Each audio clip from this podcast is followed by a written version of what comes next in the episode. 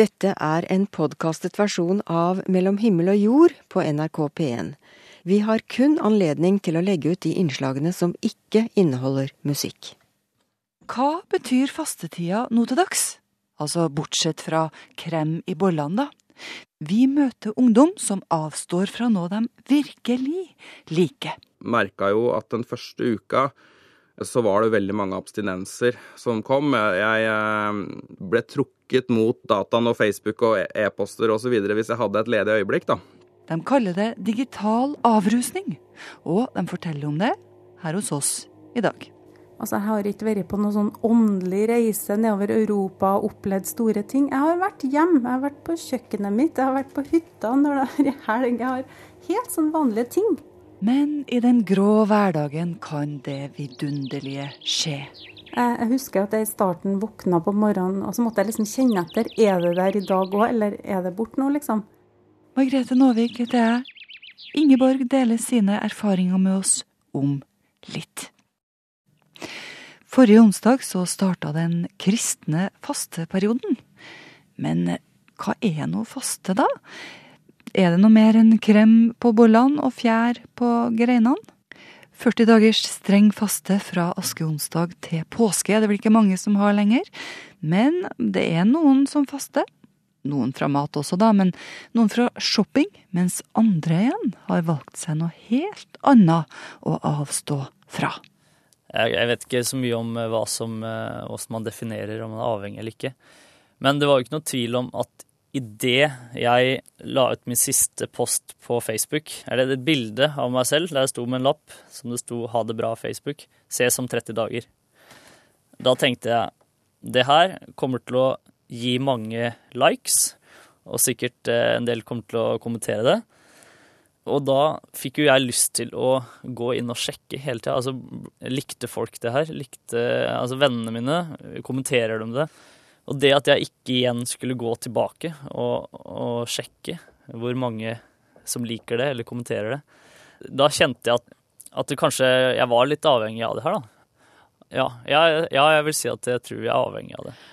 Og akkurat denne avhengigheten av digitale medier vil 26-årige Erik Alexander Ravnås Årmo til livs. Derfor deltar han i et prosjekt kalt Digital avrusning. I 30 dager i den tradisjonelle fasteperioden skal han og flere avstå fra sosiale medier og begrense sin bruk av internett til det aller mest nødvendige. Og allerede på dag tre merker han abstinensene. Jeg har kjent på det stadige suget etter å sjekke litt ting og f.eks. e-post. Jeg, jeg sjekker e-post to ganger hver dag. Men i går så måtte jeg Da merka jeg at da hadde jeg lyst til å sjekke den flere ganger i løpet av dagen. Det var litt sånn tøft å vente der. Jeg, kjente, jeg ble overraska over hvor mye jeg pleier å sjekke til e-post. Jeg kjenner jo også at jeg savner litt, da. Den lille, den lille klossen har vært så utrolig gjort at jeg har vært så tilgjengelig. For Erik var det ikke en spesiell hendelse som fikk han oppmerksom på sin digitale avhengighet, men flere tegn som han etter hvert beit seg merke i. At jeg tenker OK, nå kan jeg bare ta meg en liten pause.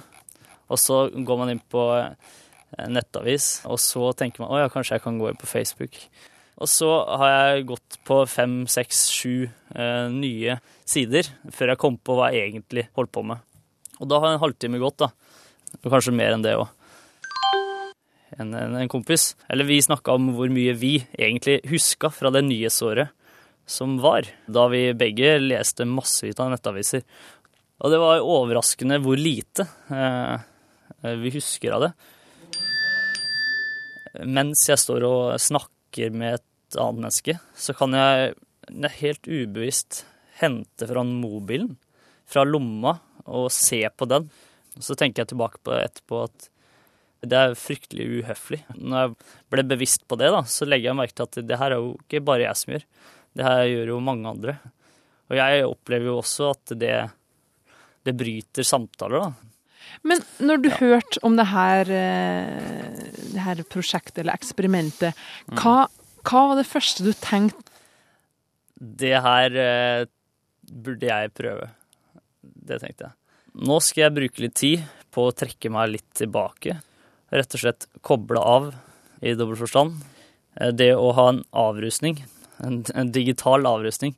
det kunne være veldig sunt for å også bli bevisst mitt eget forhold til eh, det jeg bruker mye tida mi på. Eh, og det å være på Facebook og, og Twitter og, og generelt være i et digitalt landskap.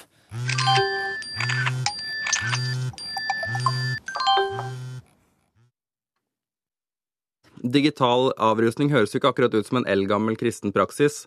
For min generasjon og de som er litt yngre, så er jo digitale medier um, noe vi bruker hele tiden. Det er ikke nødvendigvis noe at digitale medier er et onde. Tvert imot. Jeg mener jo at digitale medier er helt fantastisk, men jeg tror også at vi har godt av å bli litt mer bevisstgjort i forhold til hvor uh, avhengig vi kan være av det, og hvor uh, ukritisk vi tar med oss digitale medier inn i alle mulige settinger. Stian Kilde Aarebrot er daglig leder i Substans. Det er et kristent praksisnettverk som ønsker å ikke bare høre og snakke om det Jesus gjorde, men å prøve det ut i praksis gjennom ulike eksperiment, som de kaller det. Digital avrusning er et av de her eksperimentene, og det var ikke tilfeldig at det ble lagt til fasteperioden. Eh, Jesus fasta 40 dager i ørkenen. Han fasta riktignok fra mat, men det var for å En måte å dedikere seg til den saken han skulle gjøre de neste tre årene. Eh, og jeg mener at det, en digital faste kan være akkurat det samme. At det er en form for, en form for dedikasjon da, i forhold til å, å vise på en helt praktisk måte hva man setter høyest i livet. Noe av det viktigste er vel det å bli bevisstgjort i hvor mye tid som faktisk blir frigjort når man faster fra digitale medier. Jeg er helt sikker på at jeg har fått en gratis time i døgnet mer nå. Så har jeg plutselig både tid og lyst til å sette meg ned og lese litt i Bibelen. Jeg har tid til eh, å bare sitte i stillhet sammen med Gud, eller, eller bare be litt osv. Det, er, det er tid til overs, da. Og jeg vet at den tiden til overs, den er der fordi jeg har tatt et valg. Bruken av ordet avrusning kan kanskje virke litt sterk, men Stian syns ikke at det ordet nødvendigvis er en overdrivelse. Altså jeg har jo vært gjennom dette her en gang før, eh, tre uker, og merka jo at den første uka så var det veldig mange abstinenser. Jeg liksom tok etter mobilen i lomma mi hele tiden. Eh, kjente stadig at jeg ble trukket mot dataen og Facebook og e-poster osv. hvis jeg hadde et ledig øyeblikk. da. Og, og, jeg mener at det er en ganske sånn tydelig indikator på at det dreier seg om en slags form for avhengighet. da. Den digitale fasten er lagt opp individuelt for å være tilpassa hver enkelts hverdag og behov. Men noen grunnregler følger alle dem som deltar i denne 30 dagers lange fasteperioden. Totalavhold fra sosiale medier, f.eks. Fast mobiltelefon. Det vil si at når vi kommer hjem, så setter vi mobilen på et fast sted og bruker den som om det skulle vært en fasttelefon fordummer vi smarttelefonene våre, som vi kaller det. Ehm, vi bruker den til eh, telefonsamtaler og SMS. Ehm, Nå skal det også sies at det finnes noen unntak her. At mobilbank og eh, trikketider via en Ruter-app og sånne ting, det, det, får vi lov å bruke slik at eh, Nettopp for ikke å gjøre livet for tungvint, for det, det er ikke poenget her.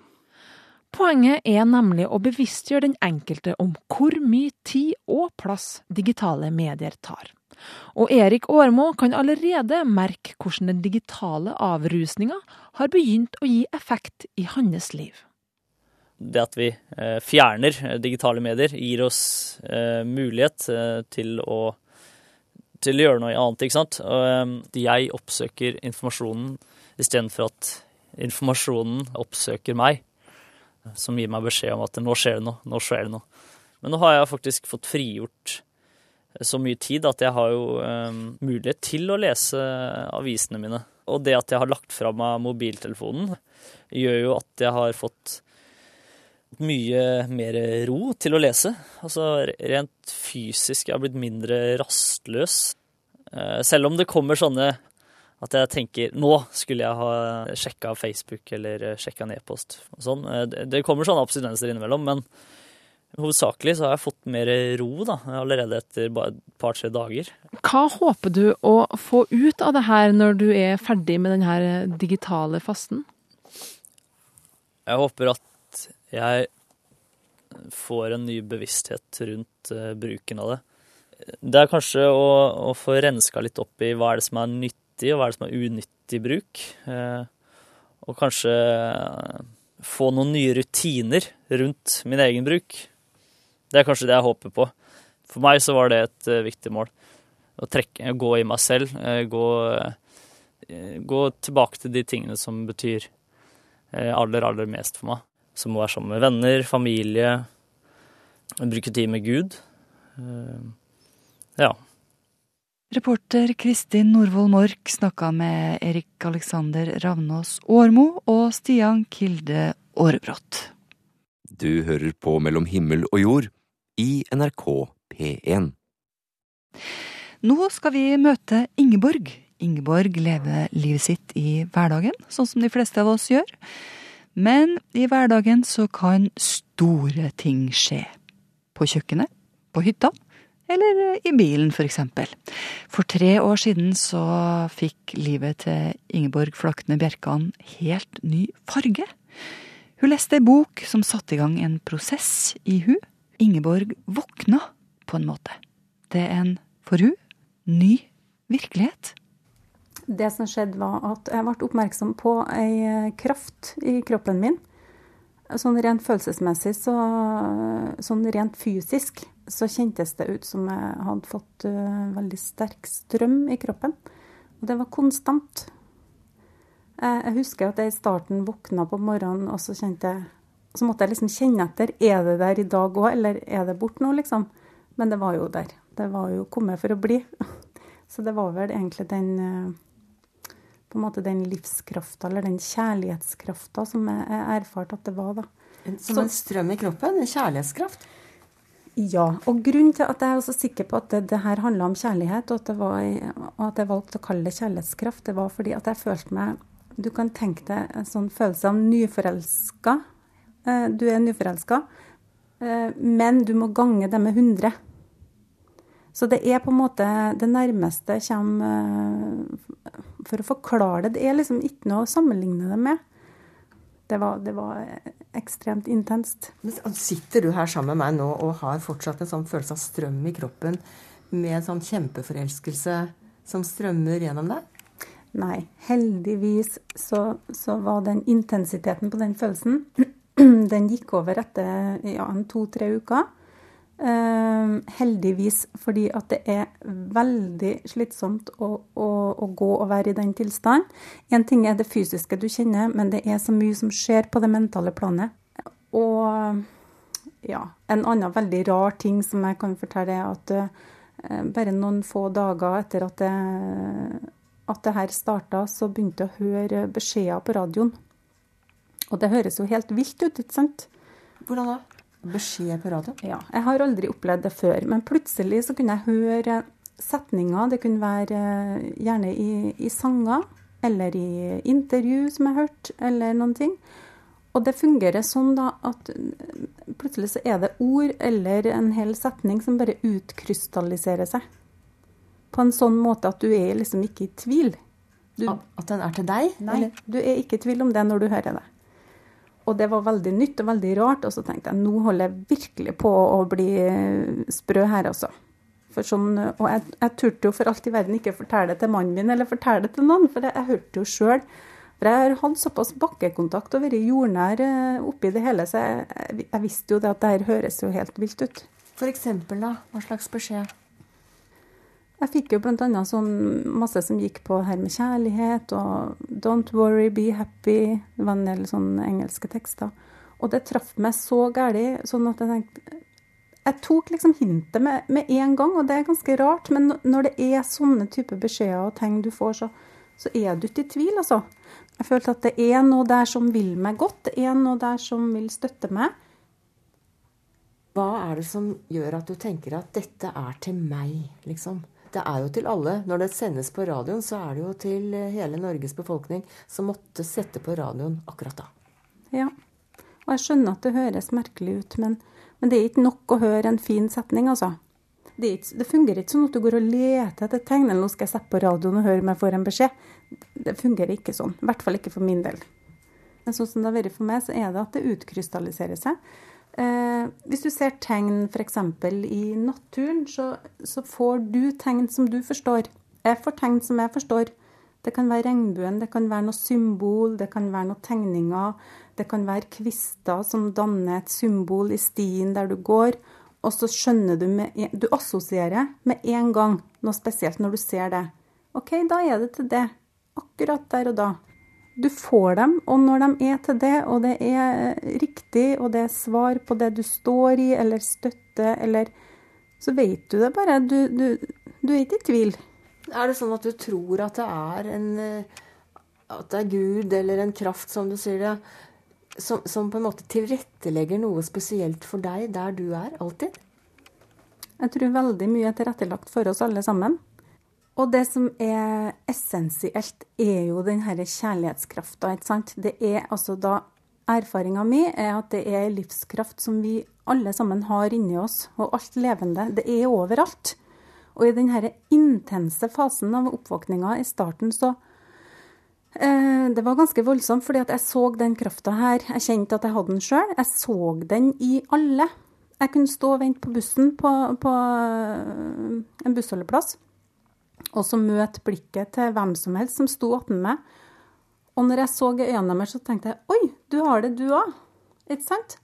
Og jeg kunne gå tur med hund, og, og, det var en stor, stor opplevelse å gå. Og jeg, jeg kunne gå der jeg har gått 100 ganger før. Men eh, natur, fugler Ja. Var, jeg, jeg, så krafta i alt rundt meg, og det var altså så stort. At jeg var så ydmyk og så takknemlig og tok meg sjøl i å, å, gå og takke for alt rundt meg, fordi at det var så stort å, ha den opplevelsen. Men er det sånn at du, at du opplever tegn fortsatt? Ja, det gjør jeg. Ja. Og spesielt hvis jeg sender ut en bønn eller et ønske eller et spørsmål om noen ting, eh, så er det for alt i verden ikke noe vits å stresse det og liksom tenke at ja, nå skal jeg lete etter svar på det der. For det er bare å slå seg helt til ro og ha tillit til at svaret kommer når du trenger det, og når det skal komme. Når du er klar for det. Det er ikke noe vits å stresse noe. Så det er, en, det er en sånn tillit du etter hvert lærer deg å ha. Men tillit til hva? Til hvem? Ja. jeg har oppfatter oppfattet det som en kilde av kjærlighetskraft. Eh, altså min kulturs religion er jo, er jo kristendommen. Men jeg oppfatter helt tydelig at det er en del ting som er misforstått. Og det går på det her at, at um, jeg syns de har vært litt dårlige på å få fram det kjærlighetsbudskapet. Det er altfor mye snakk om synd, for hvor i all verden kommer det fra? Altså, Jeg tror ikke det var tanken til den opprinnelige Gud, som er over alle religioner. Og jeg tror, eh, jeg tror det er all snakk om synd og sånn, det, det, er mennesker som, som, skal skaffe seg makt og posisjoner og innenfor de ulike religionene. For det, er mange, det har vært mye maktmisbruk opp gjennom, gjennom tiden. Og jeg kunne bli skikkelig sånn sint og frustrert over å, å høre på gudstjenester på radioen, f.eks. Jeg eh, har jo hatt en konfirmant eh, i denne perioden og vært med på en del sånne kirker. Og, og sitter og ramser opp sånne trosbekjennelser og kjenner at nei, nei, nei, det er, her er det noe som er feil. Og sånn har jeg aldri reagert før. Men det er sånn som jeg, jeg gjør nå. Men det, jeg sier ikke at alt er feil. Har, alle religioner har en bit av sannheten, men jeg tror ikke noen kan påberope seg å ha den hele fulle sannheten. Men boka di, den du har gitt ut nå på eget forlag, ja. Den er skrevet som en dagbok. Mm. Det er en dagbok. Mm. Hva er det som gjør at du vil at vi skal følge deg dag for dag?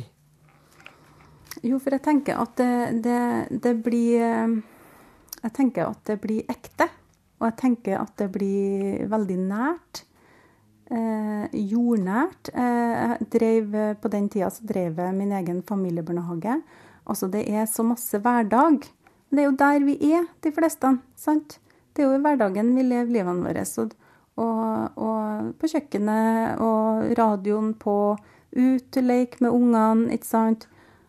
Altså, Jeg har ikke vært på noen sånn åndelig reise nedover Europa og opplevd store ting. Jeg har vært hjemme, jeg har vært på kjøkkenet mitt, jeg har vært på hytta når det er helg. Jeg har helt sånn vanlige ting. Og jeg tenker Det er fordi at jeg vil at folk skal forstå at det her er noe alle egentlig har i seg. Og Hvis de åpner opp for det og ønsker det velkommen og vil ha kontakt med den krafta de har inni seg, så, så, tror jeg etter hvert uh, flere og flere og flere vil oppleve å få sånne oppvåkninger.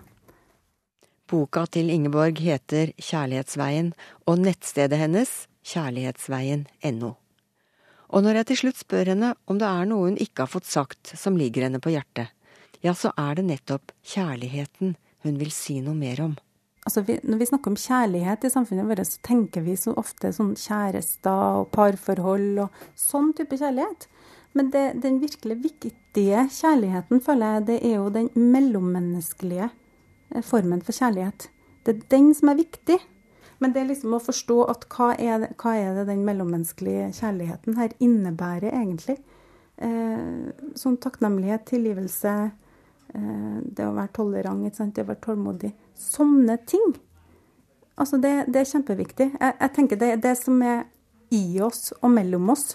Hvis du koker ned det å være menneske og livet og koke ned alt, så er det til syvende og sist det som er i oss og mellom oss, som er viktig. Ikke noe annet. Og da går det på relasjoner, hvilke relasjoner vi har til dem rundt oss. Ikke sant? Det er viktig, syns jeg. Det sier Ingeborg Flakne Bjerkan, som er førskolelærer og adjunkt, men som eh, nå har skaffa seg kontor på senteret Gaia i Trondheim, hvor hun jobber med healing og åndelig veiledning. No man is an island. Vi mennesker har behov for å møtes og for å meditere. Også ateister. I Storbritannia så er de i ferd med å organisere seg ateistene. Vi har eh, tidligere meldt om at et kjempehøyt ateisttårn, et forsamlingshus, planlegges bygd midt i London. Et hus for ateister med vakre utsmykninger og høytidsstemning, uten Gud. Nå har et par ateistiske gudstjenester, hvis vi kan kalle det det, da, funnet sted i storbyen i St. Paul's Church. Møtet er ledet av en komiker med rød bukse og stripete slips, Sanderson Jones. Det er ikke bønn, men det er to minutters stillhet. Bildene fra messa viser mennesker som lukker øynene og mediterer. Det er ikke salmesang, her synger de Queen og Stevie Wonder. En partikkelfysiker snakker om partikkelfysikk. Og det er fullt hus, det er kollekt, og pengene skal gå til neste ateistsamling. I nabohuset holder en kristen menighet til. Der er det mange tomme seter. To av jentene som var på ateistmessa, stakk like godt innom denne kristne gudstjenesten etterpå. It's the same thing but different, I guess. So I'm just happy to be here. It's not about preferring one or the other, I would say. It's about community spirit, and they both have a lot of that. So uh, it's just crazy they're both going on. Det er jo ikke sånn at man må velge, sier de. Det er fullt mulig å ta del i begge deler. Det samme sier presten. Han ser gjerne at menneskene holder ateistmesse, for, sier han, da er de på vei et sted gjennom meditasjon, ja, kanskje mot Gud til og med? No, I don't mind because I believe that, you know, in process of time, with love, people will come to know the God that we serve. Super. Thanks a lot for coming. Jens Brun Pedersen fra Human-Etisk Forbund ja. ser det her klippet fra BBC mens jeg snakker med han på telefon. Ja, uffa. Hva syns han? Om det jeg har sett? Mm. Nei, altså jeg skal øh, Jeg skal ikke prate på vegne av alle humanister, verken i Norge eller i Skandinavia, men jeg syns dette er veldig øh, kleint, eller klamt. Uh, og jeg håper aldri at vi kommer dit. Det å samles om noe vi er enige om å drive nærmest med lovprisning. Jeg for min egen del håper aldri at vi kommer dit. Jens syns at det er viktigere å møtes og stille spørsmål og holde debatter og undre seg over de eksistensielle spørsmålene. Men eh, Human-Etisk Forbund har jo navnefester, konfirmasjon, ekteskapsinngåelser og sånt. Hva er nå forskjellen på det her og en søndagshøytidelighet? Nei, det er ikke noe galt i å møtes en søndag. Men, men, jeg tror at uh, dersom det er uh, samlinger rundt uh, temaer, foredrag, samtaler, så ser jeg ikke noe grunnlag for skepsis mot det. Men jeg er redd at den type sammenkomster etter hvert kan bli dyrking av konsensus snarere enn undring. Det, nok, det tror jeg nok er Der ligger det en fare. Ja, det må du forklare. Konsensus, det er vanskelige ord. Nei, at vi dyrker enigheten framfor heller å dyrke undringen. Ja, Så det er enigheten og, som er problematisk, tenker du? Ja, jeg syns det er noe jeg assosierer med noe som lett kan utvikle seg til at vi slutter å være selvkritiske, slutter å se på oss selv med distanse og han assosierer på et spesielt grunnlag. Han har noen erfaringer i bunnen av sekken. Jens, det her ligner på noe han har sett før, syns han. Ja. Nei, jeg selv er oppvokst i en, en religiøs uh, menighet, og jeg må jo si at er det noe jeg ikke savner fra den tida, er eh, vekkelsessangen og, og, jubelen og jeg håper å si de småkarismatiske utslagene i den type miljøer. Så jeg er nok kanskje mer immun mot den type samlinger enn mange andre som kaller seg humanister her, fordi jeg setter på nært hold. Det er jeg ferdig med. Jeg ønsker heller å bruke tid på noe mer interessant om søndagsformiddager enn akkurat det. Men Jens Brun Pedersen, denne stemningen som vi aner, da, og som vi sikkert de fleste av oss har opplevd i et fellesskap, som du finner kanskje i en gudstjeneste, i en ateistmesse. Hvor, hvor får vi den hen, hvis vi ikke har et sånt samlingspunkt? Det kan man få uh, i selskap med en bok, vel. Man kan få det i forbindelse med naturopplevelser. Man kan se et flott maleri som starter refleksjoner og kanskje til og med meditasjoner. Og man kan vil jeg tro, oppleve mye sånt i en opera, en teatersal, eh, men også i samtale med venner, i samtale med familie. Det er mye berikende som kan gjøres uten at vi samles for å hylle en eller annen eh, guddom eller eller annen, et eller annet dogme eller en eller annen hellig tekst eller en profet. Eller en eh, partikkelfysiker som, som i London? Ja, hvis partikkelfysikeren eh, forteller og eh, hvordan de har kommet fram til et vitenskapelig resultat, så kan det være interessant, men det ser jeg mer på som et foredrag, og det har jeg da slettes ikke noe imot. Det sier Jens Brun Pedersen i Human-Etisk Forbund om de her ateistmessene som blir holdt i London om dagen. Vet du hvem Jon Fosse er? Det er mange som kaller han vår tids Ibsen. Hans skriverier er oversatt til 40 språk. Teaterscener over hele verden setter opp stykkene til Jon Fosse. Ja. Prisene, det har jeg lært meg eh, til. At i prisene skal du helst plassere På På do? På do. Nei. Sissvik i bokprogrammet på NRK2 har vært i Grotten, kunstnerboligen ved Slottet, på besøk hos forfatteren. En plass skal du nå gjøre av dem. Der har du ikke rakk underskriften hans. Den, den, jeg er fransk ridder, vet du. Ja, ja. Chevalier de Lode National. Ja, ja, ja, kom igjen. Det er ikke sånn at alle nordmenn leser Jon Fosse. Mange mener at det er vanskelige tekster han skriver. Snøsong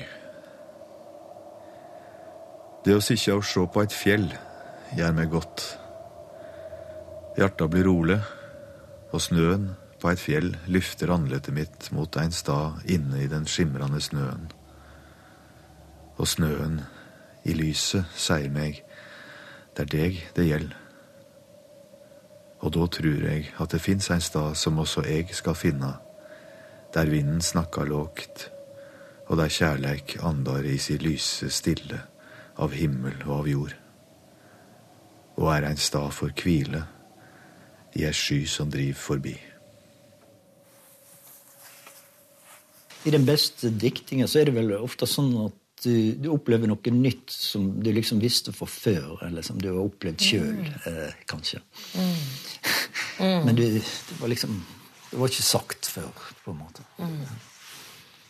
Mm. Så man må ha Og det gjelder òg mye egen skriving. Altså, Ja. sant? Eller det, eh, eh, når- det som skriver noe jeg veit på forhånd, eh, det er jo fullstendig uinteressant. Så jeg, jeg, vil ikke vite noe som helst når jeg begynner. Ja. Det, det er en slags uh, gave, på en måte, som, det er som, som, som ikke i livet er hvis en tenker seg om, og ikke bare tar ting for gitt. La oss si kjærleik er en gave. Sånn, kunst er en gave. Eh, Men du som har sagt sånn livet er grunnleggende trist. Ja, det er Så det sitter jo. du her og er snakker om, eh, fullt det, av gaver. Det, det, det, det er jo grunnleggende trist. Men med små gaver? Eller store gaver? Ja, Eller? det er jo begge deler. Det, du, igjen, det er paradoksalt. Sånt, Mm. sånt, Et, et barn blir født, som vi snakker om. Altså. Det er barn med samme det er født, så er en død født. Sant? Døden til det barnet? Ja, ja. Det henger jo helt sammen. Altså. Uff, du kan ikke tenke på det. allerede. Ja, men det er jo det, nei, men det, er jo det, som, det er jo det som er sant, hvis du tenker over det. Ja. Så det, og sånn det, er det jo med alt, altså. Det, Nå kan jeg aldri gå på sånn babybesøk uten å tenke den tanken igjen. nei, men da, men, ja, nei, men det, det, da har du kanskje blitt klokere. Ja. Da har du, det du har smittet meg med det fossiske synet på verden. Denne. Nei, det er ikke et syn på verden. Oh, det, det, er noe, bare- det er noe et simpelt faktum. Da. Ja. eh, Det mener jeg er et god diktning òg. Den, den er ikke et syn, på en måte. Den er, det er det som er tilfellet. Du, når vi snakket nå om eh, eh, døden, så tenkte jeg vi skal høre på da 39 dikt og én salme heter boka. Så la oss høre på nattsalme. Det fins ei jord som åpnar opp sitt djup av svarte natt, og løgner både sjel og kropp til ingenting er att.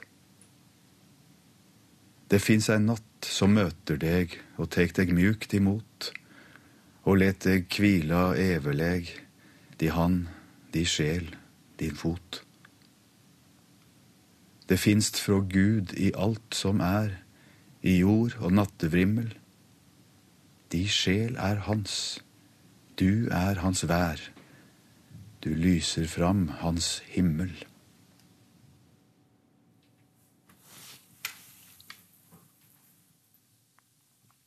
Når du sier da det fins ei jord som åpner opp si djup av svarte natt og løgner både sjel og kropp til ingenting er att, så er det begravelse vi snakker om. Eller Det er jo heller- du kan få, s- Det er jo det som skjer med en, en menneskekropp, som alt annet som lever. At det har sitt liv ei tid, og når det livet er vekke, så forsvinner jo på et eller annet vis det, det som var i livet, da. Den materien som var i livet. Jeg brukte jorda som, som bilde, da, eller den tradisjonelle, gamle gravferda, på en måte, der du legger det døde mennesket ned i jord, og lar det råtne og forsvinne i jord. Så det ja, orker jeg ikke å tenke på at du gir meg denne beskjeden, men, men eh, det går lysere, for den natten som møter oss, lar oss hvile, og det fins noe fra Gud som er, som er vakkert, som er lys. Så jeg har oppsummert den natt nattsalmen. Du skal dø, men det, bli, det kommer til å bli helt fint. Jeg har iallfall ikke uh, noe som helst uh, lyst eller behov for å s skremme folk. Og jeg er ikke skremt sjøl heller, altså, sant? Så av, at, av døden og at det skal dø. Så mm, ja, Kall det Gud eller hva du vil. Altså, det, det, er den, det er ikke bare materie som Som det òg er, da. Noe som forsvinner, uh, eller råtner i jorda. Da. Det, det merker du vel eller merker du veldig godt hvis du uh, har kjent et menneske og ser den døde kroppen til det mennesket, at det er ikke det, er ikke det mennesket. Mm. For det mennesket er, vekke. Sant? Men, Så, så, så enkelt er det, altså, og så mysteriøst. Sant? For det, det er vel helst en slags kvekersalme. Eh, Jeg er ikke organisert kveker, men eller kveker, men jeg, jeg tenker nok ganske kvekersk, holdt jeg på å si. Og en slags grunntanke hos kvekerne er at eh, hvert menneske innst i seg har litt av Gud. Og Det kvekerne kaller for det indre lyset i hvert menneske. Eh, Det er på en måte ikke egoet eller et eller annet sånt, men det er helt unike som er bak der. Eller, det høres jo veldig flott ut. Og så tenker jeg det er også litt sånn umoderne å tenke sånn. Ja, er ikke det veldig umoderne å ville være moderne? Du, altså, jeg er nysgjerrig på én ting til, bare avslutningsvis. For du um, Altså, du har jo vært åpen på at du liksom uh, ja, kjenner godt til depresjon og sånne ting. Ja. Og så nå uh, ja, Du virker så liksom uh, full av livsglede nå, egentlig. Jeg vil ikke snakke så mye om meg sjøl, altså, men jeg kjenner godt til det, det, det svarte i livet. Ja. Mm. Skal jeg love deg.